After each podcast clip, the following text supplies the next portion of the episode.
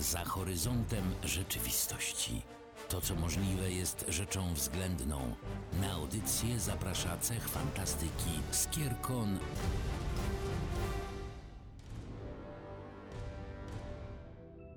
Witamy w kolejnym portalu. Tu Aurelion. I Winga, cześć.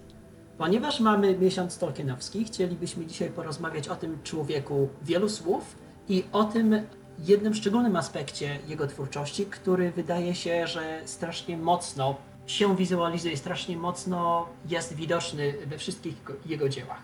Tak, Jolkien, Rolkien, Rolkien, Tolkien wielkim człowiekiem był i jest nadal i fakt faktem wiele elementów jego twórczości, no już pomijając fakt, że jest e, dziadkiem fantastyki i w ogóle nie, ciężko jest mówić o fantastyce nie wspominając o nim, no to jest chyba elementem, który jest wyjątkowo charakterystyczny, jeżeli chodzi o to, co stworzył, są języki. Tak jest.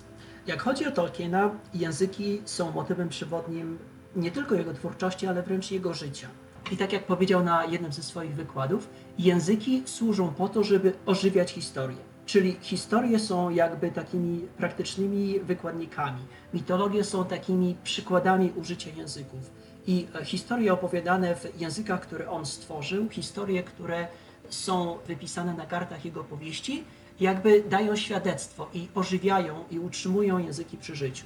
Dla tego samego powodu podczas jednego z kongresów Esperanto, którego nauczył się w wieku lat ledwie kilkunastu, na początku stwierdził, że Esperanto będzie miało swoje własne mity i swoje własne legendy. Kiedy to się nie sprawdziło po kilkunastu latach, przypowiedział na innym kongresie Esperanto, że Esperanto umrze śmiercią naturalną właśnie dlatego, że język nie wytworzył swoich własnych mitów i nie wytworzył swoich własnych historii. Ale jako filolog i językoznawca Tolkien zaczął bardzo wcześnie, bo jego matka nauczyła go czytać i pisać, jak miał ledwie 4 lata, a podstaw łaciny nauczyła go niedługo później. I takie mocne podstawy, wiecie, klasycznego wykształcenia filologicznego zaowocowały rozwinięciem się później. Jak chodzi o języki Tolkiena, to bardzo mocną inspiracją było jego dzieciństwo, ponieważ jako kilkunastolatek ze swoimi kuzynami i kuzynkami wspólnie wymyślali języki po to, żeby, wiecie, jak to dzieci robią, ukrywać pewne fakty przed dorosłymi. No i jeden z takich projektów tak naprawdę zaczęli w wieku lat, nie wiem, tam kilkunastu, ale rozwijali go aktywnie przez kilka kolejnych lat. I to zafascynowało Tolkiena na tyle, że wiecie, taki projekt, który rozpoczął w wieku lat 15, skończył swoją śmiercią w wieku lat 60 parę lat później. Także to, to była dosyć mocna inspiracja, jak chodzi o Tolkiena. Iloma językami mówi Tolkien? No ponad 30. Generalnie nauka języków, e, wymyślanie nowych stało się dla niego nie tylko zainteresowaniem, po prostu w którymś momencie sposobem na nudę. Bardzo szybko przyswajał sobie zarówno te wymyślone, jak i te klasyczne. E, Łącznie nauczył się ponad 30 języków. Co ciekawe, znał również język polski i nasz ojczysty był jednym z ostatnich, których się nauczył. Głównie dlatego, że uznał język polski za po prostu potwornie trudny i stwierdził, że nie, koniec, dość, więcej nie chce.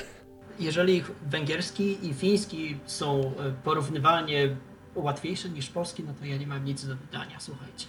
Ale wykształcenie Tolkiena również grało rolę, dlatego że jako młody sierota pod wpływem swojego opiekuna, księdza katolickiego, był w koledżu nauki językowe.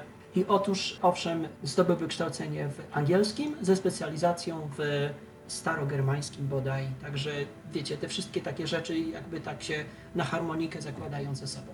Tak więc życiorys Tolkiena jest przesiąknięty językami i filologią i e, różnymi aspektami tegoż, ale jego drugą, nie mniej ważną inspiracją jest miłość jego życia. Jest Edith, którą to był zapoznał jako szesnastolatek. Ona była wtedy od niego 3 lata starsza.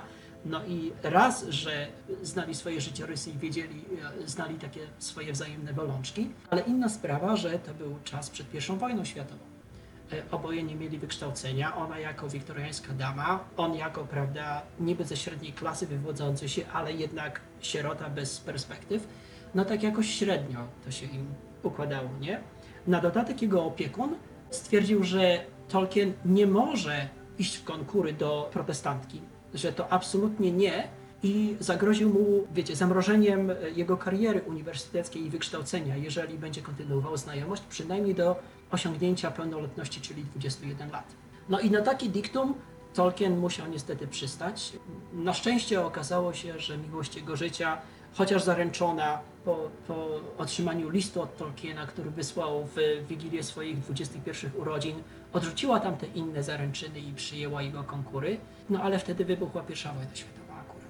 Tak, to jest w ogóle i tak piękna historia miłości, która trwała 55 lat, y, aż do momentu, kiedy faktycznie rozłączyła ich śmierć. Natomiast nie na tym się dzisiaj będziemy skupiać. Nie będziemy się na tym skupiać.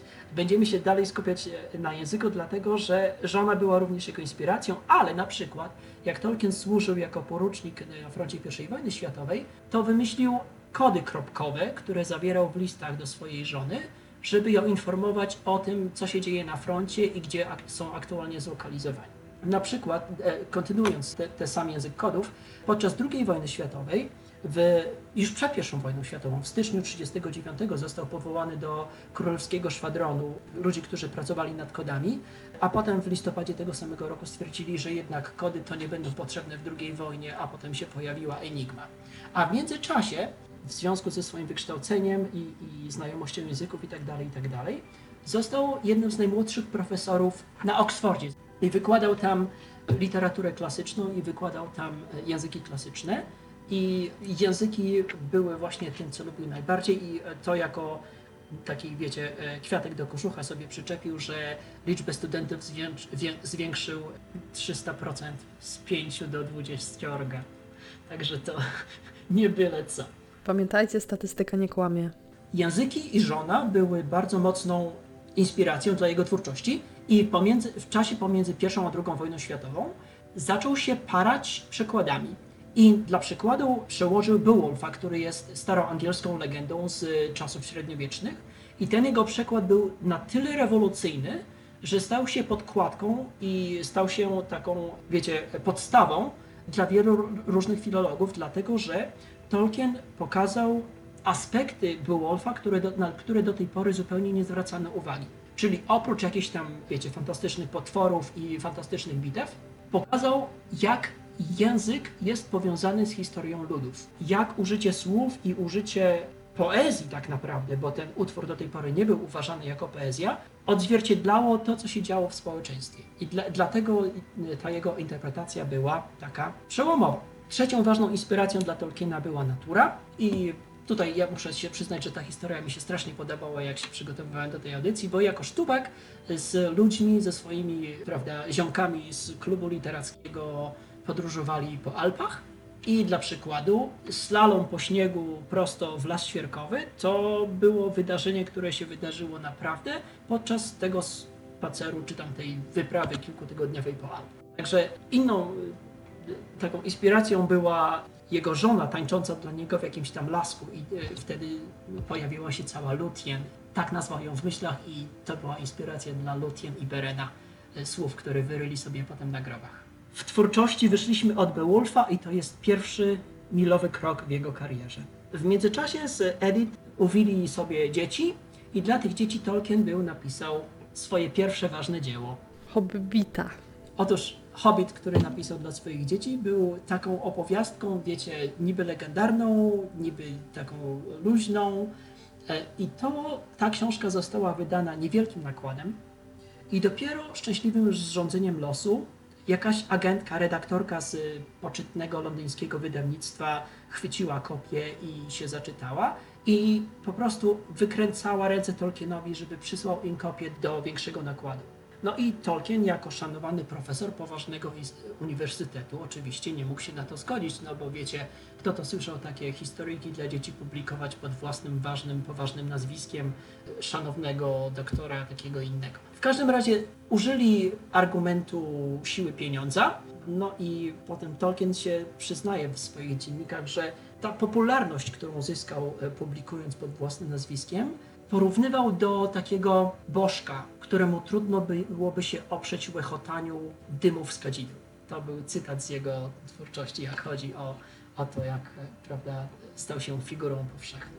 W każdym razie to jest moment, kiedy jego kariera pisarska trochę jakby ruszyła z kopyta i całe tworzenie Śródziemia no, też ruszyło całkiem mocno. W tym również tworzenie języków, które są dzisiaj kluczową informacją dla nas. I żeby nie było, to był proces, który trwał cały czas. Tak naprawdę taki Silmarillion, który Tolkien pisał przez dobrych 60 lat, to był cały czas ciągły proces tworzenia i doskonalenia w tym właśnie języków. Dzisiaj istnieją społeczności fanów, które posługują się normalnie językami stworzonymi przez Tolkiena, chociaż bardziej chyba powinniśmy mówić, że te języki można poznać, a niekoniecznie, że można się ich nauczyć. Tak naprawdę żaden z nich nie został przez Tolkiena nigdy dokończony. Nie ma czegoś takiego jak, nie wiem, morfologia czy synaktyka poszczególnych języków. W związku z tym teoretycznie można je poznać, można się względnie nimi posługiwać, co zresztą fani czynią.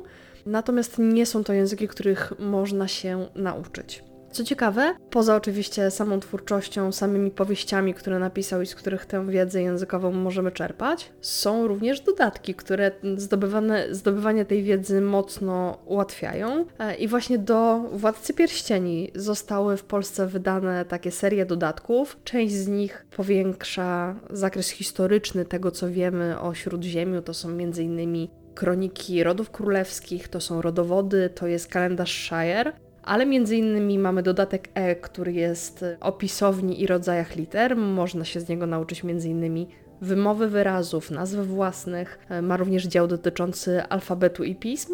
Oraz dodatek F, który mówi o językach i ludach trzeciej ery oraz o zasadach przekładu. Powiedzmy może, ile tych języków we Władcy Pierścieni było i jakie są ich wzajemne zależności. De facto na potrzeby całego Śródziemia Tolkien stworzył około 15 języków, przy czym wiadomo, niektóre z nich są tylko delikatnie zarysowane albo nawet wręcz wspomniane. Co ciekawe, dla mnie takim największym y, ewenementem troszeczkę y, i rzeczą, której byłam troszeczkę nieświadoma, jest język Sowalfare, który tak naprawdę był językiem, w którym Tolkien napisał Władcę Pierścieni i dopiero później z niego wyciągnął y, całą powieść na język angielski. Czyli ćwiczenie lingwistyczne. Ja bym się niczego innego po Tolkienie nie spodziewał. Mnie się bardzo podobał fakt, że Tolkien korzystał ze swojej wiedzy lingwistycznej, wymyślając te wszystkie języki, bo na przykład ten główny język elficki, Kwenia, który tworzył ponad 60 lat, e, jest tak naprawdę mocno powiązany z Greką. I to są elementy takiej fonetyki, takiej płynności mowy, takiej melodii języka, które go zafascynowały i które rozwinął właśnie do Kweni. Podobną metodę wykorzystał zresztą w Sindarinie, który jest drugim najważniejszym językiem. Tam z kolei użył takich dźwięków i melodii i elementów z języków semickich. Więc to są wszystko rzeczy, które on tak naprawdę jakby przetransferował, przeinaczył z języków, którymi my się posługujemy, znaczy może nie my jako my, ale generalnie my jako ludzie współcześni się posługujemy, na coś, co istnieje we swoim własnym wszechświecie. I to mnie strasznie ujęło. Piękne jest to, że on faktycznie zastosował sposób rozwijania się tych języków. W momencie, kiedy weźmiemy właśnie Kwenię i Sindarin, czyli dwa najpopularniejsze języki, języki elfickie, możemy bez problemu znaleźć ich wspólny trzon, wspólny mianownik, w związku z tym wiemy tak naprawdę, że to są oba języki wywodzące się z tej samej rodziny języków elfickich, które gdzieś na przestrzeni tych tysięcy lat istnienia Śródziemia wyewoluowały, też w związku z tym, że elfy jako rasa mieszkały na jednym, na drugim kontynencie, e, mieszały się ze sobą i to widać nawet właśnie w językotwórstwie. Kwanejski i sindriański pochodzą z tego samego trzonu, z praelfickiego języka i później tak naprawdę nastąpił troszeczkę podział, który był efektem podziału trochę geograficznego. Kwinejski rozwinął się głównie na Walinorze, czyli kontynencie na zachód od Śródziemia, gdzie zamieszkiwała część elfów, a sindriańskim posługiwały się te elfy, które pozostały w Śródziemiu, między innymi właśnie elfy szare. Z biegiem czasu właśnie Sindarin stał się mową codzienną praktycznie wszystkich ras elfów, a e, kwionejski stał się takim językiem e, naukowym, trochę literackim, trochę można go porównać do takiej łaciny w naszym współczesnym świecie. Jak chodzi o elficki, to przecież nawet z tego praelfickiego, czy jak go nazwać, wywodziła się moja ulubiona mowa entów. I strasznie mi się podoba to, że sposób życia entów został spleciony z ich mową No bo jak mamy takiego Quick Beama, który nie pamiętam jak się tam po polsku nazywa, który był y, jak przez swoich, y, prawda, ziomków nazywany jako pośpieszny i, i szybki generalnie, bo chciał odpowiedzi szybko i, i na już i na wczoraj, a enty to wiecie, jak to enty. Powoli, donośnie, rozwlekając, no i generalnie jak coś, jakieś kwestia nie da się rozważyć w godzinę, przynajmniej godzinę, to w ogóle nie jest pod rozwagę dla takiego enta, nie? Bo po co tu się spieszyć? Ale generalnie mowa entów wywodziła się również też z mowy elfickiej. Znowu, podkreślę tylko to, że podoba mi się taka e, symbioza, taka synergia stylu życia z, z tym, jak władają swoim językiem. Właśnie jeżeli chodzi o mowę entów, tutaj też trzeba rozróżnić troszeczkę jakby dwie odnogi. Starą mowę entów, y, która faktycznie była bardzo charakterystyczna dla nich, cechowała się bardzo skomplikowanym systemem fonetycznym. Tam było masę różnych samogłosek, które miały swoje tony, swoje odcienie, akcenty, długości. W zależności od każdego z tych elementów to oznaczało zupełnie co innego. I faktycznie mowa była taka kwiecista, bardzo rozwlekła, jak to u entów wypowiedzenie jednego zdania trwało bardzo długo. Natomiast w związku z tym, że enty w pewnym momencie zaczęły nawiązywać coraz bliższe kontakty z elfami, też język elficki zaczął troszeczkę się mieszać i w tym momencie, no, nazwijmy to w cudzysłowie, nowa mowa entów zaczęła się tworzyć gdzie troszeczkę się te elementy zaczęły mieszać, ale też jakby nigdy nie przeszły stricte na języki elfickie, tylko zachowały swój sens tej wypowiedzi, tak? E, Na przykład, nie wiem, w przekładzie Marii Skibiniewskiej jest zdanie, gdzie jest e, wielolesisty, cienisty, głęboko dolinny, czarny, głęboko dolinny, leśny, mroczny kraj, co tak naprawdę w tłumaczeniu z entowego na nasze oznacza, że czarny cień leży w głębokich dolinach lasu. Więc jakby zachowały swój charakter wypowiedzi i jednocześnie troszeczkę update'ując to e, swoją mowę do standardów elfich. Kolejnym językiem, który jest e, tak naprawdę obecny tylko w jednym miejscu w całym Trójksięgu, jest czarna mowa, która została wytworzona sztucznie na potrzeby Władcy Pierścieni. Otóż Tolkien stworzył to jako język dystopijny, ja- jako taki kompletny kontrast do takiej płynącej, przyjemnej mowy elfów. I ta czarna mowa była mową mocno gardłową, taką twardą, taką nieprzyjemną, brzmi jak choroba gardła. I ta mowa została użyta tak naprawdę w Trójksięgu tylko raz, mianowicie do opisania pierścienia. Tutaj nie chcę demonstrować, jak to czytać, bo pe- pewnie bym i tak to wszystko zepsuł. Skrypt, którym napisano, jest piękny,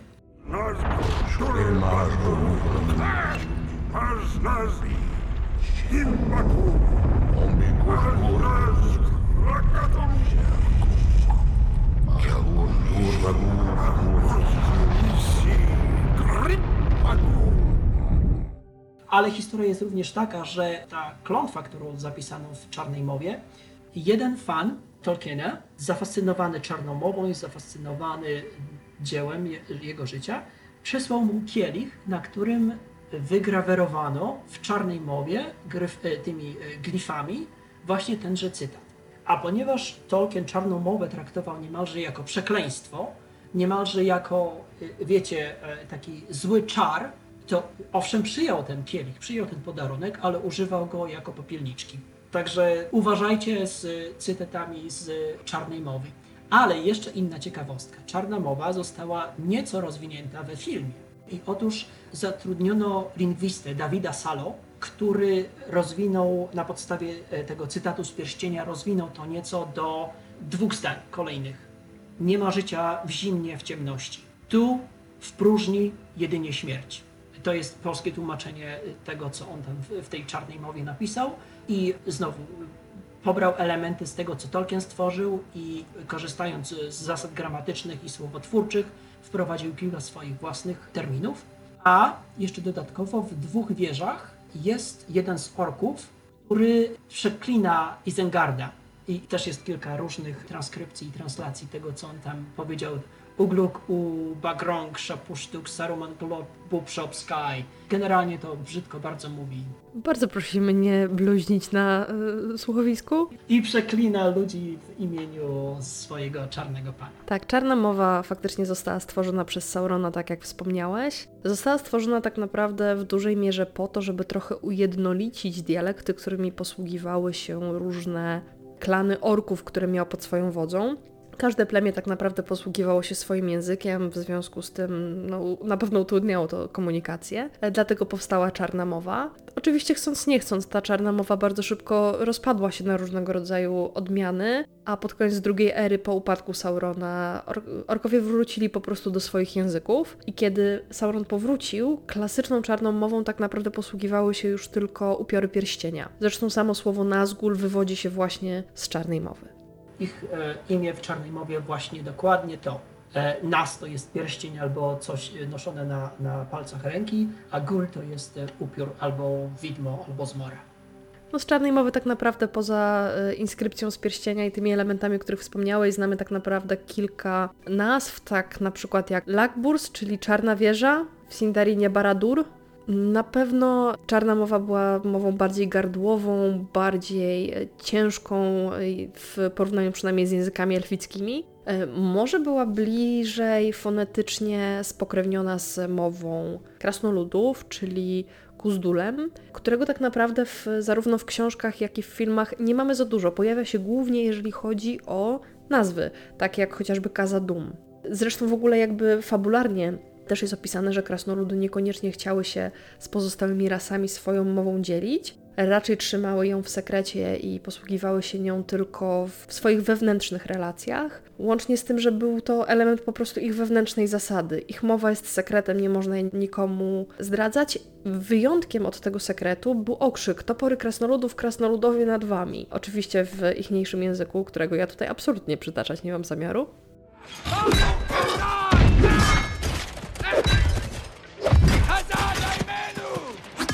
Poza tym znamy jedynie kilka nazw miejscowych, które akurat wyjątkowo nie były objęte tajemnicą, bo po prostu przeszły gdzieś tam na którymś etapie do mowy codziennej.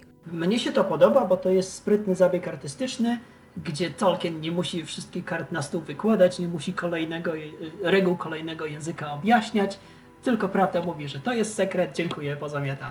Z jednej strony tak, ale z drugiej strony e, nawet te kilka nazw, które gdzieś tam w całej sadze się przewijają, widać w nich pewien schemat, widać, że to jest logicznie wymyślone, że to nie są jakieś tam nie wiadomo skąd z kosmosu wyciągnięte wyrazy, tylko mają wspólne człony, że jakby widać tutaj słowotwórstwo, które ma wspólny mianownik.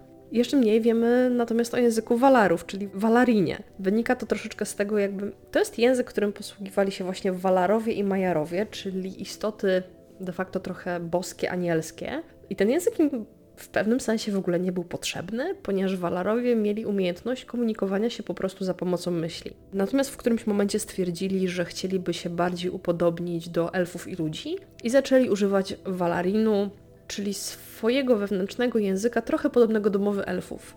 Dla elfów ten język był dosyć przyjemny i w którymś momencie ze względu na komunikację Walarów z elfami, Walarowie po prostu przerzucili się na e, kwenejski, po prostu jeden z języków elfickich. I w Walarinie zostało w Śródziemiu tak naprawdę kilka nazw własnych, które cechowały się tym, że były złożone z licznych sylab.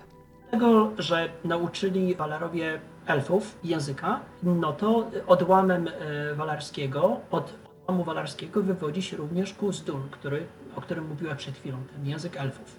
Trzecią wielką odnową był Melkian, który był e, nazwany, umówmy się, na cześć Melkora e, czy Morgotu i pochodzi z pierwszego wieku, z pierwszej ery i był używany przez orków i inne stworzenia ciemności. I to z kolei jest zupełnie niezwiązane z czarnomową Saurona, który jakby wymyślił czarnomowę niezależnie od tegoż języka.